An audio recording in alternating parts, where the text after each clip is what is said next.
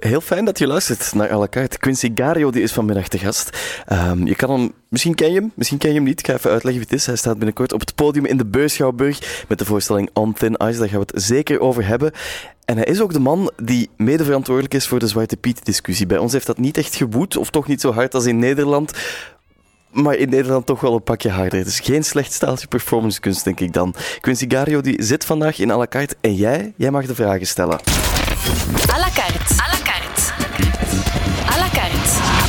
Met Robbe Petitjean en Melina Verbeek. En met Quincy Gario. Een hele goede middag. Goedemiddag. Welkom in à la carte. Ehm, ik ga starten met een uitspraak die je zelf ooit gedaan hebt. Ja. Ik ben geen activist, ik ben gewoon iemand met een grote mond. Klopt dat nog altijd, Quincy? Volgens mij wel. Ja? En hoe ja. vaak heeft die grote mond jou al in de problemen gebracht? Nou, niet zozeer problemen. Ik denk eerder dat mensen moeite hadden met het feit dat ze tegenover iemand hadden die daadwerkelijk kon uitspreken wat er mis was. Mhm. Ja. En dan hebben we het onder andere over Zwarte Piet is racisme. Hè? Dat is een eh, Ja. performance eh, van jou geweest. Ja. Eh, ik weet al niet meer hoeveel jaar geleden intussen. Maar dat heeft inderdaad de Zwarte Pieten-discussie eh, op de agenda gezet. Eerst in Nederland, maar toch ook, ja, mede uiteraard. Hè, maar het was wel opvallend, hè, iemand die met een t-shirt rondloopt waar het op staat. Ehm, dus eigenlijk heeft die grote mond jou misschien ook wel dingen gebracht waarop je best fier bent, vermoed ik. Hoe kijk je daarop Ehm, terug? Ik denk dat wat, wat we hebben gezien afgelopen eh, inmiddels negen jaar... is dat ehm, heel veel mensen die in eerste instantie dachten dat ze niks konden zeggen... of hun ongenoegen over racisme en, en de viering van het koloniaal verleden niet konden uiten... en dat nu wel doen. Ehm, je ziet het nu ook met al de verschillende andere groepen die zoiets hebben van... hé, hey, wacht even, racisme is niet alleen iets dat de zwarte bevolking raakt... maar ook de Marokkaanse bevolking, Turkse bevolking, Chinese bevolking... Aziatische bevolking, ook de ehm, vluchtelingengemeenschappen... ook de ehm, migrantengemeenschappen die dan te maken hebben met xenofobie op een andere manier... zoals de Oost-Europeanen die in Nederland komen werken. En dan denk je van, hé, hey, wacht even, ik heb daar een klein beetje aan kunnen meehelpen. Absoluut, ja. En, en, en heel veel mensen die hadden zoiets van, hé, hey, dat, dat willen we ook. Dat gaan we ook doen en we gaan het steunen. En we zijn samen tegen onrecht. Ja, er is een debat geopend. Hè. Dat, Ja, is, dat is zeker. Er is een debat En het is ook nog altijd niet afgerond. Misschien lukt dat wel nooit. Dat eh, zou kunnen. We gaan het vandaag ook, ook hebben over On Thin Ice. Jouw Ja. performance binnenkort in de Beurschouwburg. Ja. Op basis van, van werk van eh, Oguto Muraya. Die zou ik ook nog graag leren kennen zo meteen, want ik weet niet wie dat is. Ja, Ehm, ja, En ja, misschien moeten we dat debat dan ook nog maar een beetje verder voeren hier sowieso. in à la carte. Ja, want ik bedoelde dus, in- ik heb het gevoel dat het in België misschien niet echt gevoerd is, dat eh, Zwarte Pieten-debat. Dat we daar Ja, gewoon een beetje misschien, ja. Misschien niet zo, uit- niet zo uitbundig als in Nederland zou dat we er even over gepraat hebben, dat we dan beslist hebben, het is gedaan, zonder dat we echt diep gepraat hebben. Maar we gaan dat subiet wel doen. Ja, Quincy, On Thin Ice, dat is binnenkort in de Beurschouwburg 20 Ja. en 21 maart, als ik me niet vergis. Helemaal goed. Jij brengt het. Ja. Jij bent degene die de performance doet, een, een soort van performance-lezing, eh, want je kan het zo moeilijk onder één label eh, zetten. Ehm, gebaseerd op werk van eh, Ogutu Muraya. Wie is Eh, die man? Niet, niet gebaseerd op zijn werk, maar het is zijn Het werk. is zijn werk, ja. Ja, dus ehm, hij is een Keniaanse theatermaker, ehm, regisseur, schrijver. En hij heeft voor een periode van vier jaar elke dag een dagboek bijgehouden... waarin hij zichzelf een minimum aantal woorden gaf te woorden. En dat heeft hij nu teruggebracht tot 365 dagen. En ehm, hij is dat in verschillende hoofdstukken aan het uitbrengen. Elke maand is een hoofdstuk. En ik lees de tweede hoofdstuk voor. Ah ja, dus we gaan jou zien lezen. Ja. Of ga je ook dingen doen? Dan moet je komen kijken. Ja, oké. Daar gaan al mijn vragen. Nee, nee, maar het is een werk dat nog niet af is eigenlijk. Hè? Het is nog Ja, gaande. het is nog gaande. En dat is het, het, het hele mooie van zijn werkproces. Hij gaat heel diep in op eh, persoonlijke emoties, op koloniale trauma, op alledaags racisme. En vervolgens hoe je ermee omgaat als een migrant. Hoe je ermee omgaat binnen de kunsten. Hoe je ermee omgaat als schrijver. En ook hoe je ermee omgaat als zwarte man in Europa. Die zoiets heeft van waar ben ik nu terechtgekomen. Ja, wat heb je er van jezelf ingestoken dan? Ehm, mijn stem, ehm, mijn pauzes, ehm, mijn blikken. En het leuke van de samenwerking met Ogutu is, hij zit nu in Kenia. Mhm. Hij heeft vorig jaar besloten om niet langer een visumaanvraag te doen voor de Schengen hier in Europa. Waardoor ook zijn manier van werken veranderd is geworden. En daardoor heeft hij mij gevraagd en ook bijvoorbeeld mijn broertje gevraagd om Ja. van hem voor te Dus hij kan niet naar hier komen. Hij wil op een andere manier hier naartoe komen. Dus niet zozeer dat hij nog steeds moet bewijzen waarom hij waardevol zou kunnen zijn voor hier. Maar hij wil op een gelijkwaardige voet zitten met Ja. Europa. Ja, omdat het eigenlijk gewoon heel moeilijk is om een visum aan te vragen om vanuit Afrika naar hier te reizen. Ja, ja. Ja, het Ja. is, eh, het is eh, bizar. Want je ziet dat er heel veel bedrijven vanuit hier wel die kant op mogen gaan.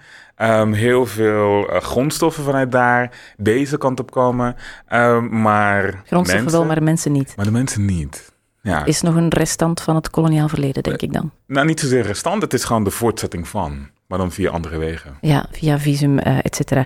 En waarom heb jij ja gezegd op de vraag van Moraya eh, om het werk te brengen? Ja, want Oguto is gewoon geweldig. Ehm, we zijn goede vrienden. En toen dacht ik van wat een eer om, om zijn werk te mogen voorlezen. Ook wel spannend. compleet spannend. Want normaliter, het meeste van mijn werk is improvisatie. Dus ik sta op het podium, ik heb wel een bepaald idee waar het stuk over gaat en wat ik wil doen. Ik doe heel veel research. Maar hier is het eigenlijk gewoon, je hebt de tekst en dan moet je gaan. Je moet je daar ook aan houden dan. Ja, ja. Is dat moeilijk? Dat is lastig. Ja, Want als ja. je zegt, ja, meestal doe ik improvisatie, nu krijg je eigenlijk een kader waar je binnen moet blijven. Precies, ja, Ja. ja. Maar dat maakt het ook wel mooi, want dat kader zorgt ervoor dat je daarbinnen heel veel mag experimenteren. Qua regieaanwijzingen zei hij van doe wat je wilt. En toen dacht ik, wauw. Ja, je hebt wel veel vrijheid gekregen ik dan heb heel om veel het vrijheid gekregen. in te vullen. Ja. En ja, ik vermoed dat je nog natuurlijk niet superveel over de inhoud van de tekst eh, kan, kan zeggen, maar zijn er zo een aantal zaken die je misschien toch kan prijsgeven? Ehm, nou, Een hij, bepaalde anekdote of iets wat hij Ja. heeft meegemaakt? hij begint door te zeggen dat hij boos is. En dat is eigenlijk gewoon de rest van de tekst een uitwerking van... oké, waar komt die boosheid vandaan? Hoe vertaalt het zich in zijn gedrag? Of hoe vertaalt het zich in de manier waarop hij over dat gedrag heeft geschreven? En hoe vertaalt het zich richting het maken van kunst... vanuit een Afrikaans perspectief hier in Europa? Ja, dus, Dus- ik hoor eigenlijk een soort van zelftherapeutische eh, analyse van, wat, van waar zijn boosheid vandaan komt. Ja, en tegelijkertijd ook een, een manier of een handvat geven... om die boosheid om te zetten tot iets moois. Zoals deze tekst. Ja, want dat is wat jij eigenlijk ook doet, hè? Jij bent ook verontwaardigd of boos en je zegt, kijk, dan maak ik er kunst van. Ja. Om het Ja. debat te openen of om ergens... Nou, ik weet niet of ik boos ben. Ik ben eerder constant verbaasd. Ehm, en die verbazing die uit zich op bepaalde manieren waarop ik uitspraken doe. Ehm, ik ben natuurlijk wel tegen onrecht en tegen van alles en nog wat. Maar ik ben verbaasd over hoe heel veel mensen die onrecht of niet willen zien, of voortzetten, of het actief toejuichen. En dan denk ik van, dat zijn toch niet de waarden die wij hier in Europa met elkaar hebben afgesproken. Dat klopt iets niet. Ja, maar er zijn afspraken en er, is realiteit natuurlijk. Ehm, maar Quincy, je zegt van het is een goede vriend van mij, jullie kennen elkaar goed. Ehm, hoe verschillend zijn jullie? Of hoeveel hebben jullie met elkaar gemeen? Ehm, nou, als, als we zijn allebei naar Nederland gekomen om te studeren, bijvoorbeeld.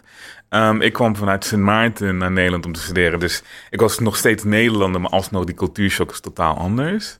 Ehm, we zijn allebei ehm, zwarte mannen. We zijn allebei aan het graven in koloniale geschiedenis. En we houden allebei van research. Maar qua verschil is natuurlijk de Afrikaanse context is totaal anders dan wanneer je nog steeds bezet bent door Nederland, bij wijze van spreken. Ehm, de Nederlandse Antillen die zijn, die worden nu door eh, Mark Rutte, onze minister-president van de afgelopen tien jaar, bizar. Weet je, als je dit, als dat eh, het geval van een Zuid-Amerikaanse president zou zijn, dan zeg je zeggen van, hé, hey, dit is een regime, dat moet weg. Maar goed, nee, hij staat er nog. Dus de afgelopen tien jaar heeft hij min of meer geprobeerd om de Nederlandse Antillen neer te zetten als de brug tussen Europa en Zuid-Amerika voor investeringsmogelijkheden. Terwijl er op de eilanden zelf heel weinig wordt geïnvesteerd. Dus het is een heel andere context ehm, qua denken over grondstoffen, qua denken over ehm, extraction, eh, qua denken over migratie. Ik heb gewoon een Europees paspoort. Dat geeft Ja. een totaal ander soort van gemoedstoestand dan wanneer je dat niet hebt. Ja, geruster constant- vermoed ik. Ja, ja, ja. Ja. Interessant, On Thin Ice. On thin ice. Ogutu Muraya en eh, Quincy Gario volgende week te zien in de Beurschouwburg, maar we gaan het over nog heel andere zaken hebben ook. Ja, ik wist helemaal niet dat Mark Rutte al tien jaar aan de macht is. Dat, het zijn Poetin-toestanden daar bij jullie. À la carte. Ja? Nee. Quincy, weg met nuance, daar hebben we niks mee. ja of nee? Ben je ijdel? Ehm, nee. Kan je goed tegen kritiek? Ja, Kan je eh, goed tegen stilte? ja, Ben je geduldig? nee. Zou je zelf politicus willen zijn? Ja, Ja? Gisteren had ik Warda El Kadouri hier op eh, bezoek. Ja. Ook wel een analytische denker, Ja, eh, net als jij. Eh, en die zei absoluut, nee, politiek absoluut niet. Wat, wat trekt jou er wel in aan? Ehm, ik denk dat ehm, heel vaak wij bang zijn voor macht. wanneer we progressieve ideeën willen waarmaken. En dus vragen we anderen om het te doen. Ehm, en ik heb zoiets van, maar waarom moeten we nog steeds vragen? Ja. En ben je al gevraagd door partijen? Oh, nou, ja. Ehm, ik weet niet wat mensen met mij aan moeten op een lijst. Geen idee. Want je weet maar nooit een- wat er dan kan gebeuren. een- Maar Een mondige, een mondige stem, ja? Iemand. zou kunnen. Ja, ja. Dus, eh, Ja, maar misschien zien we jou ooit wel op een van de kieslijsten staan. ja, in België dan, want je woont in Brussel, hè? Nou, ik ben hier heel vaak. Ehm, ik ben op dit moment een van de researchers van de Advanced Performance and Sonography Studies programma, dus APAS. En ehm, dan is het wel handig als je vaker hier moet zijn om toch nog Ja, je hebt ja, een op en neer te kunnen benden. zoals het dan Ja. heet. Ja, ja, ja. Dus ja, Ja. Brussels-based een beetje en toch nog in Ja, Nederland. Ja, je pendelt tussen de twee. precies. Ja, mijn moeder die woont nog steeds in Nederland. Dus ehm, ik vind het wel fijn om nog naar haar toe te gaan. En mijn broertje en zijn kinderen en zijn partner. Dus die zijn eh, heel klein. Dus die wil je ook zien meegroeien. ja, maar het is ook niet zo ver, hè? Nee, Uiteindelijk. Ja. Eh, hoe ga jij om met kritiek, met eh, bagger op social media? Want je zit Ja. ook heel fel op social media, heb ik gezien. Enfin, Ah, Twitter is toch heel... Twitter is toch... Hoe, hoe dikwijls retweet jij op een dag? Geen idee, ik heb het nooit bijgehouden. Nee, ik ook niet, maar het is, eh, ik, kan, ik kan het ook niet bijhouden. Het is enorm. Ben je een s- smartphone-verslaafde? Nee, dat niet. Ik vind het wel leuk Dat om heel veel te lezen. Volgens mij ook, ja. Nee, ik hou wel van heel veel lezen en heel veel op de hoogte zijn van wat er gaande is.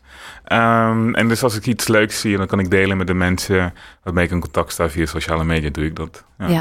Ik heb zoiets van, informatie is er om te delen, niet om voor jezelf te houden. dat is waar. Maar hoe deconnecteer jij dan? Van? Kan je hem ook makkelijk wegleggen en zeggen van... "Pff, vandaag even geen Twitter? Ja, ja. Ik heb ook een keer gewoon mijn telefoon eh, bij mijn vriendin vergeten. En dan ben je een weekend zonder telefoon. Ja. En dan vraagt iedereen zich af, waar zijn die retweets van Quincy toch naartoe? Maar is het niet vermoeiend ook om, om constant voor debat te ijveren? Want jij doet dat eigenlijk op een heel enthousiaste, eh, Ja, goed lachse ja. manier. Ik zie jou constant lachen. Ja. Ehm, ik kan mij voorstellen dat het toch ook wel ergens vermoeiend is om constant op de ervan pijnlijke af. plek te duwen. Ehm, ik heb natuurlijk heel veel bagger over me heen gekregen door, door de Zwarte Piet eh, projecten die ik heb gedaan. Ehm, maar wat ik zelf daarmee doe is eigenlijk constant zoeken van oké, hoe kan ik de tegenstand ook weer omzetten tot iets moois. En ik heb bijvoorbeeld een performance gemaakt waarbij ik ehm, een research traject heb ingezet, dus een onderzoekstraject heb ingezet van een jaar, om uit te zoeken hoe het is om aangifte te doen tegen racisme. Ja, en Dat was een onderzoeksproject. dat was een onderzoeksproject. En Oké. dat heeft uiteindelijk tot een voorstelling geleid. En daar heb ik ook een prijs mee gewonnen. Dus ik heb zoiets van, ja, het is altijd wel interessant om te zien van... oké, hoe kan je omgaan met die tegenslagen en juist ehm, er niet bij de pakken neer blijven Ja, zitten. zonder debat heb je eigenlijk geen werk, Jawel, toch? ja. Er Ja. zullen altijd wel thema's eh, blijven bovendrijven, denk ik. Hè? Ja, ja, ja, nu ben ik bijvoorbeeld bezig met ehm eh, Letse kolonialisme. Dus Letland, of tenminste het voormalig ehm, hertogdom... dat onderdeel was van wat nu Letland is... heeft geprobeerd om Tobago en een stukje van de Gambia te koloniseren in de 17e eeuw. Performancekunstenaar Quincy Gario is de gast bij à la carte. En we hadden het zo net over het Lets kolonialisme, het koloniale verleden van, jawel, Letland. Je leert elke dag iets bij. Ja, Quincy, maar dat wil niet zeggen, omdat Letland een koloniaal verleden heeft, dat we het niet moeten hebben over dat van België of van Nederland. hè. We gaan eh, de focus ook niet te veel verleggen. Ehm, normaal gezien zouden Les Noireaux eh, deze maand door de straten van Brussel wandelen. Les Noireaux, ik weet niet of je ze kent. Dat is een eh, groepering die al jaren met een, een blackface door de Ja. straten loopt om dan geld in te zamelen voor het goede doel. Ja. Ehm, sinds vorig jaar doen ze dat in, in tricolore. Dus ze, ze hebben de blackface eh, vaarwel gezegd. Ja, Is dat een stap vooruit voor jou? ik denk het wel. Ja, want het komt uit eind 19e eeuw. Ja, het is inderdaad een oud gebruik. Ja. ja, ja. en we weten natuurlijk ook ja. eind 19e eeuw en België en wat België aan het doen was in de rest van de wereld. Dus ja, ik vind het wel een interessante stap om op die manier na te denken van hoe kunnen we dit op een andere manier inzetten. ja, dus Want het gaat over geld inzamelen. dus ja, het gaat over geld doen. inzamelen. Ja, het, is het is een solidariteitsactie. Precies, eigenlijk. ja. Ja. Ehm, ja, de- corona heeft er dit jaar waarschijnlijk wel een stokje voor gestoken. Maar goed, daar kunnen we dan ook niet aan doen. Ben je al in het Afrika Museum in Brussel geweest? Nee. Hoe komt dat? Ik vind het moeilijk. Ehm, ook omdat ik al heel veel verhalen heb gehoord van dat het niet helemaal gelukt is wat ze wilden. En ik heb de directeur ook een paar jaar geleden gezien bij de Roma bij een evenement genaamd Einde van de Witte Wereld. En ik vond hem toen niet de beste beurt maken. En toen dacht ik, ja, ik heb nu heel veel andere dingen die ik moet afkrijgen en eh, waar ik, waar ik aan het werken, uh, zeg dat, waar ik mee bezig ben. Dus heb ik nu de emotionele Ruimte daar. ruimte om, om nog een keer in een koloniaal soort van gewelddadig instituut te stappen. Ja, Nog niet. nog Nee. niet, maar het kan er wel eens van komen. Dat kan er nog wel van Laat het mij weten, want ik ben wel benieuwd naar wat jij ervan vindt. Ja, ja. Het is, ja, ik ben er zelf al geweest, maar ik spreek natuurlijk vanuit mijn referentiekader. Ehm, en er zijn, denk ik, stappen vooruit gezet, maar we zijn er nog niet. Nou, ik het bedoel, aan de ene kan kant vatten. goed dat er stappen zijn gezet. Aan de andere kant moet ook gekeken worden naar aan wie die ruimte nou precies ook wordt verhuurd. Want vorig jaar was natuurlijk dat hele festival waar iedereen opeens Ja, lendendoekjes en blackface kwam. En dan denk je van, oeh, nee, dan heb je het toch was het verkeerde scoutsfeestje eigenlijk. Nou, maar daar zie je ook het verschil tussen een museum dat een bepaald gesprek probeert te voeren en de marketing of de financiële afdeling die gewoon ruimte ziet die ze kunnen verhuren. En dat daar eigenlijk de ideologieën nog niet bij elkaar zijn. Ja, eh, dat die visie niet op elkaar is nee. afgestemd. Ja. nee. Wat zeg je eigenlijk tegen mensen die zeggen, "Ach, ja zeg, dat zwarte pieten debat, dat is toch overdreven? Ik vermoed dat je zulke reacties ook wel gekregen hebt. Ja, maar daar reageer ik niet meer op. Nee? Nee. Omdat je voelt dat daar geen debat meer mogelijk is? Of? Nee, omdat ik voel dat het onzinnige positie is. Dus waarom zou ik dat moeten legitimeren door erop in te gaan? Ja, want dan blijf je jezelf uitleggen. eigenlijk. Precies. Ja. Ja. Ehm, Ik heb betere dingen te doen. Zoals hier, kamer te spreken. Oh, ik, heb dat- ik, ben, ik voel mij vereerd. ik, kan het nog, ik heb nog een aantal minuten om het te verknallen. Ehm, jouw per- performance eh On Thin Ice kadert in de Black History Month. Ik heb Ja. daar eigenlijk bijzonder weinig over gehoord. Of is dat omdat ik mij te veel in andere kringen begeef? Dat weet ik niet. Ik weet niet precies van jou specifiek. ik zit veel thuis eigenlijk tegenwoordig, maar nee, is er genoeg aandacht voor?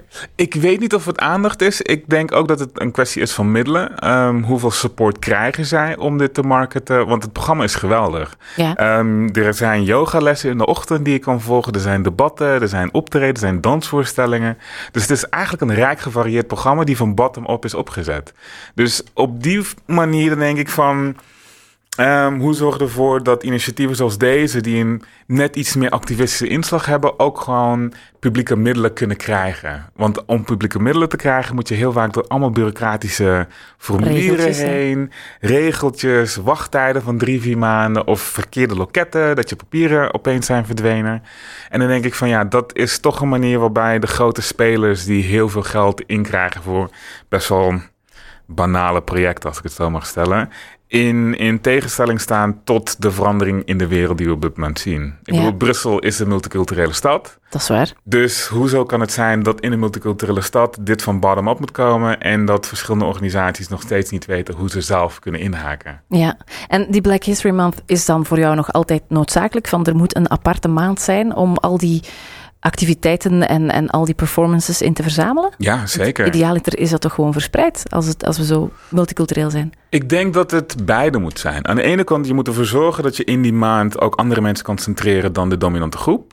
En je moet ervoor zorgen dat ook de winsten, door jij samen te, te leven en samen te zijn, ook constant wordt benadrukt. En zo'n maand is zo'n perfecte mogelijkheid ervoor. Dat we weten wie een, ehm, ja, ehm, ehm, ehm, wie ervoor heeft gezorgd dat wij, dat wij verschillende danspasjes hebben theater, eh, talen hebben, dat wij bepaalde filmische kijk kunnen hebben. Dat, dat zijn, dat zijn eh, verhalen van het Afrikaans continent, van het Caribisch gebied, van eh, Zuid-Amerika, van Noord-Amerika, van Europa, zwarte Europeanen, die we nog te weinig horen. Ja, dus het is goed dat dat gebundeld is. Eventjes gebundeld en dan de rest van het jaar ervoor zorgen dat ze ook nog betrokken blijven. Mhm.